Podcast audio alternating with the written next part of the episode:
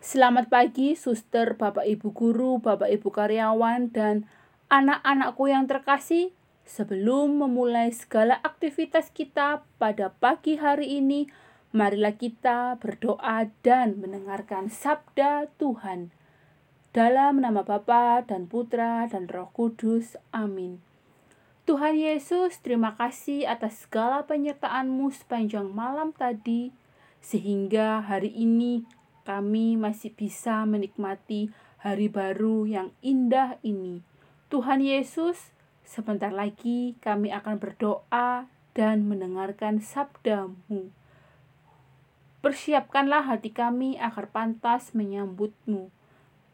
Inilah Injil Yesus Kristus menurut Santo Markus. Dimuliakanlah Tuhan. Pada suatu malam Sabat, Yesus masuk ke dalam rumah ibadat di kota Kapernaum dan mengajar di sana. Orang-orang takjub mendengar pengajarannya, sebab ia mengajar mereka sebagai orang yang berkuasa, tidak seperti ahli-ahli Taurat. Dalam rumah ibadat itu ada seorang yang kerasukan roh jahat. Orang itu berteriak, "Apa urusanmu dengan kami, hai Yesus orang Nazaret?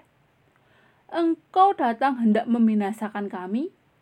Aku tahu siapa engkau, yakni yang kudus dari Allah. Tetapi Yesus menghardiknya, katanya, Diam, keluarlah daripadanya.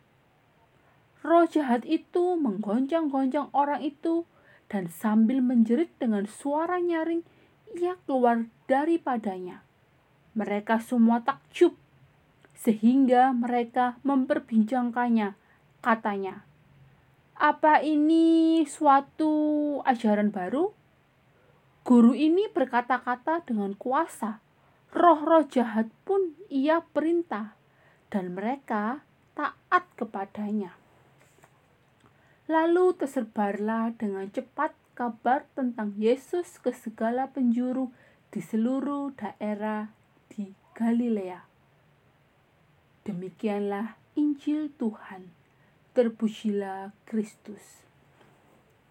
Suster, Bapak Ibu guru, Bapak Ibu karyawan, dan anak-anakku yang terkasih, bacaan Injil pada hari ini mengajak kita untuk percaya bahwa Yesus adalah Tuhan Allah yang menaklukkan segala sesuatu tanpa terkecuali.